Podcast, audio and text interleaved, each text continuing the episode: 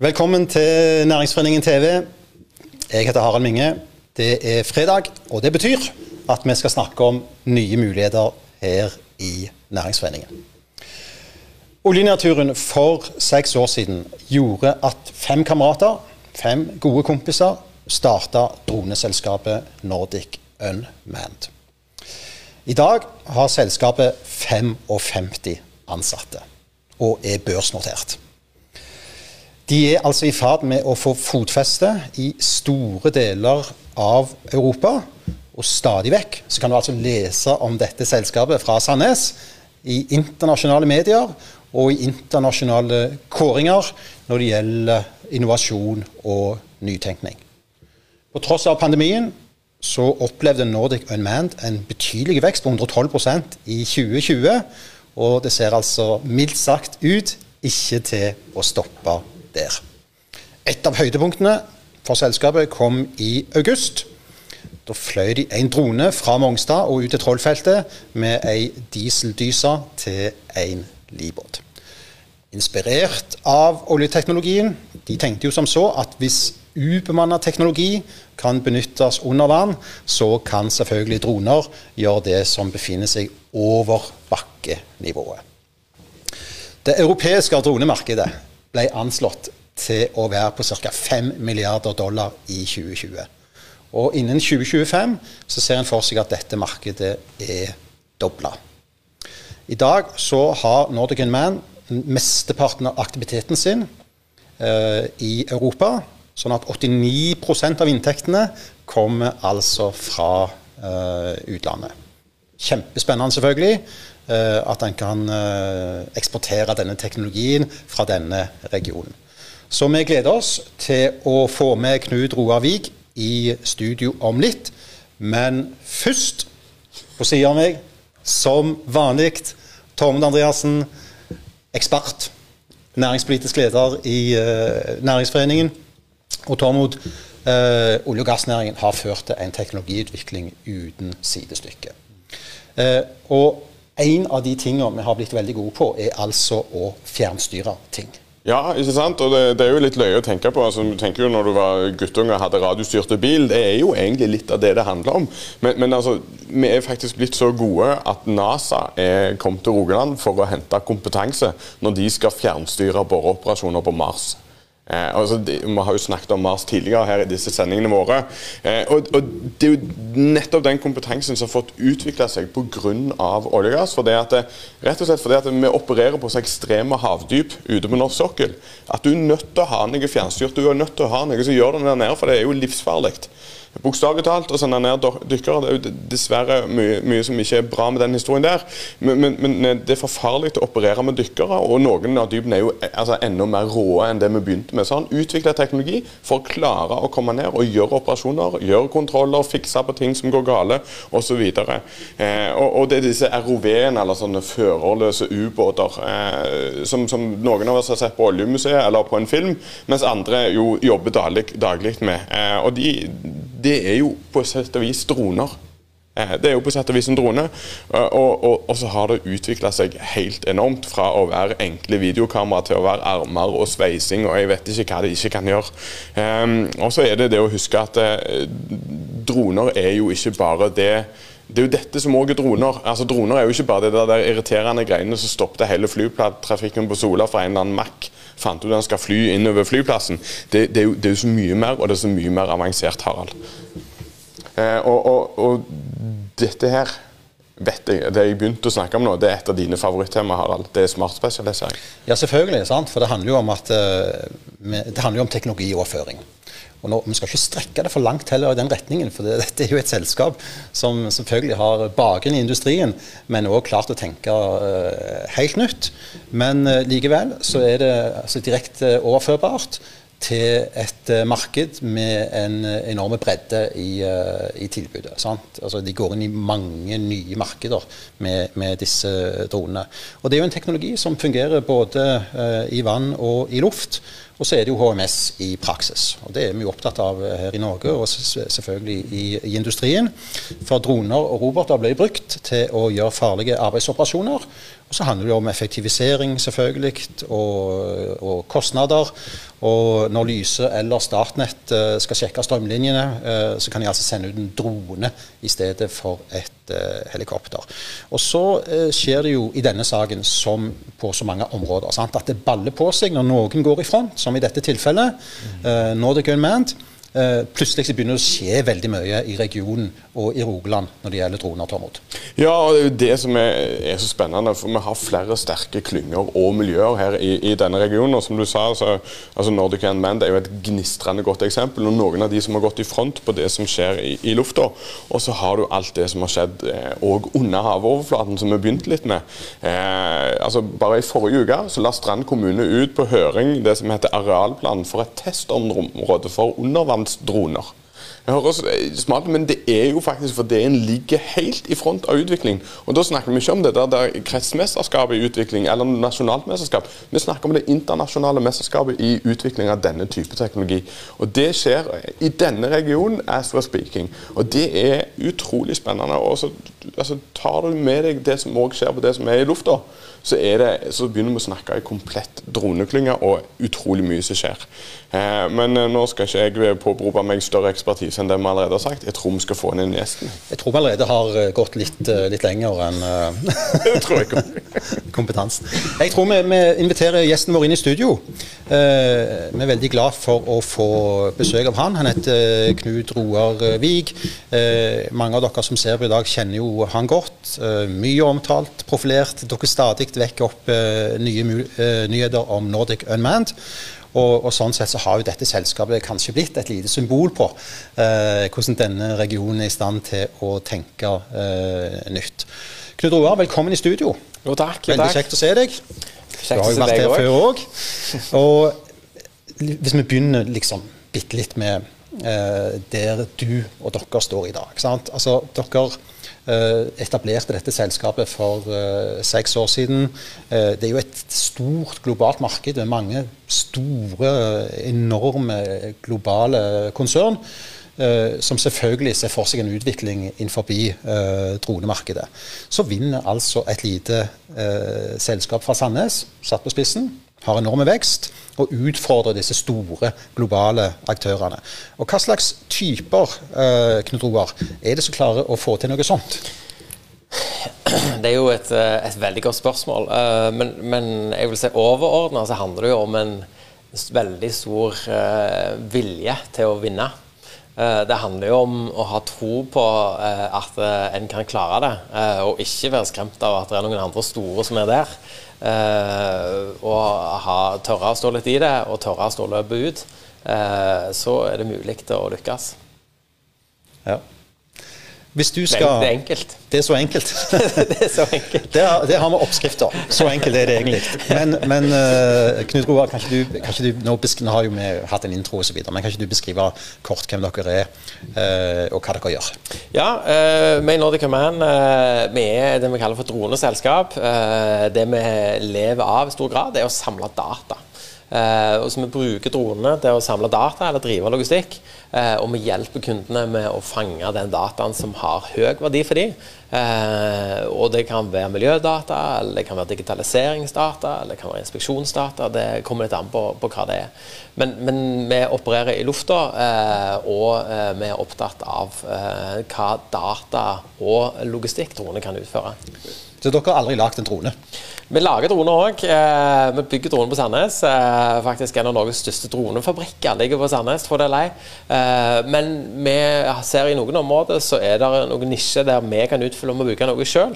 På andre områder så bruker vi droner som andre bygger. Men det, men det, er systemene som dere har hovedfokus på? Ja. ja. Men, men, altså, Du sa logistikkdroner, og du sa innsamling av data og sånn. Men altså hva er det egentlig dronene kan og ikke kan gjøre? Altså, det, altså, logistikk vet vi, det har vi hørt mye om, og overvåkning, men er det andre ting òg? Ja, altså det, det, det, det, som er spennende med vår bransje, det er at det er ingen som vet ennå hva droner ikke kan gjøre. Uh, du nevnte Mars. ikke sant? Og akkurat det droner som lander på Mars, som blir styrt fra jorda med, med åtte minutts forsinkelse. Eh, men, men, i dag så er det òg dataen eh, Når en har klart å fange en type data, så skaper det en, en interesse og etterspørsel etter mer avansert data.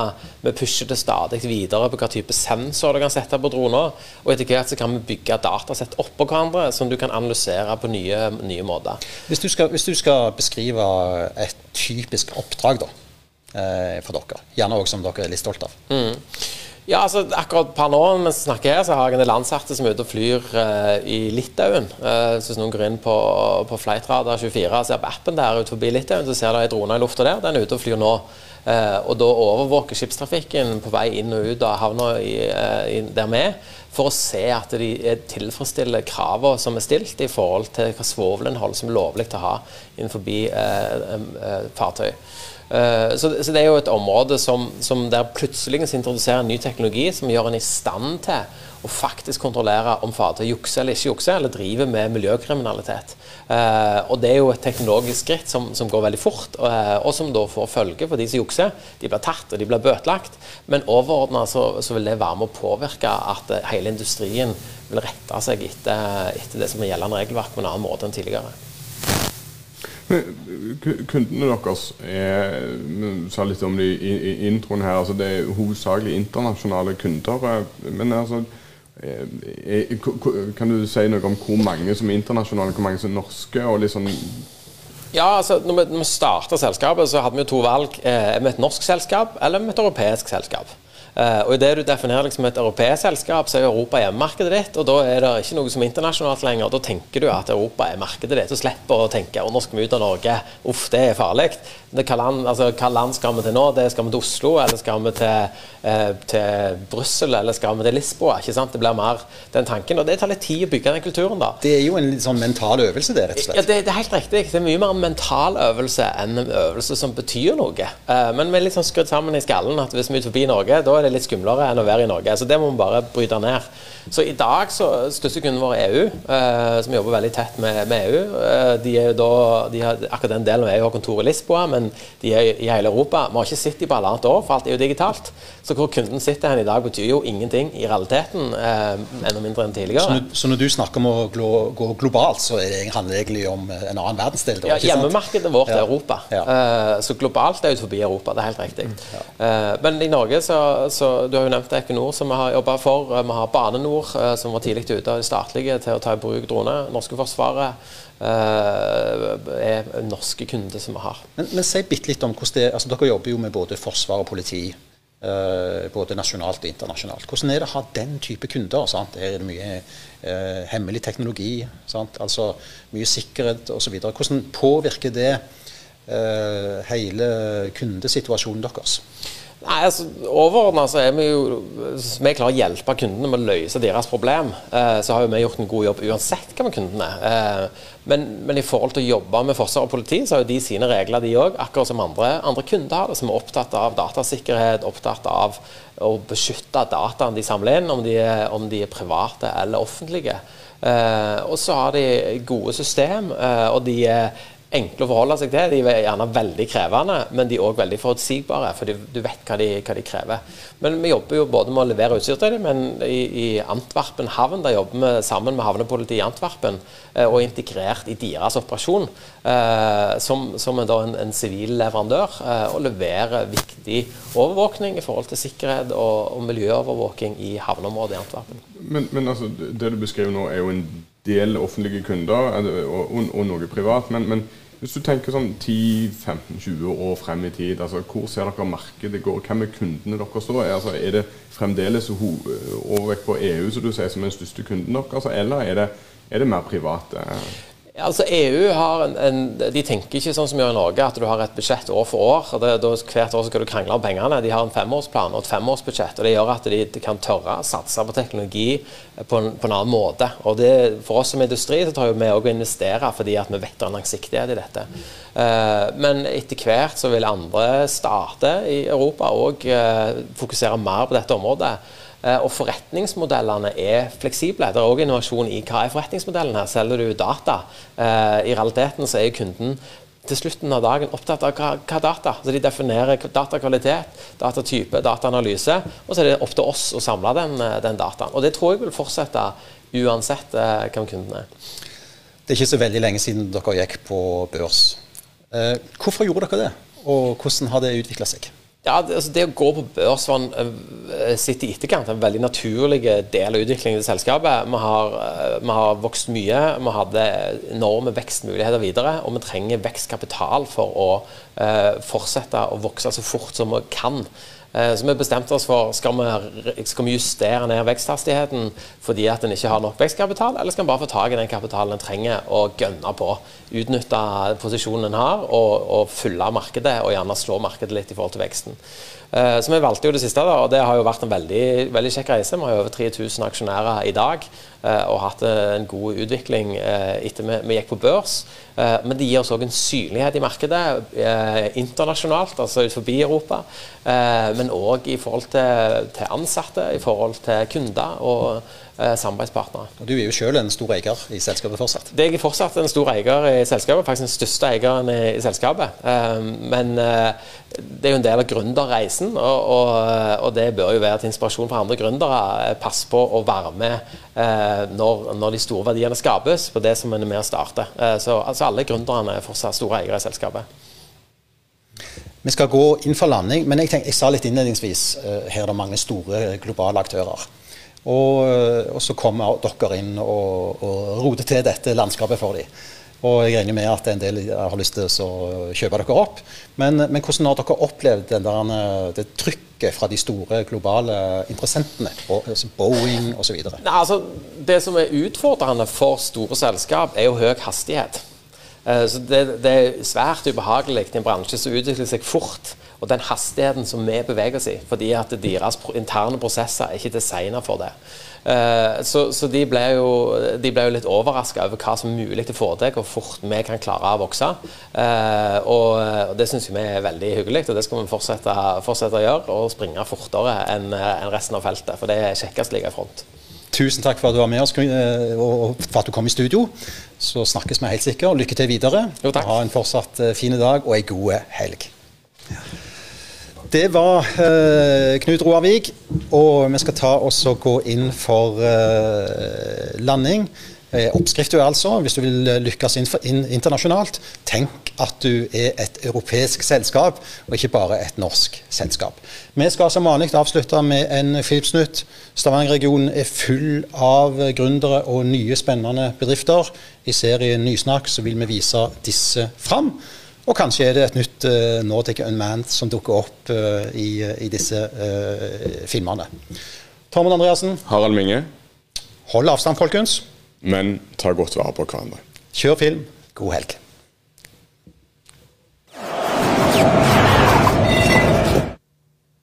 Hei, jeg er Sturla Fjellvang. Jeg jobber med produktutvikling i Captain Six Bates AS.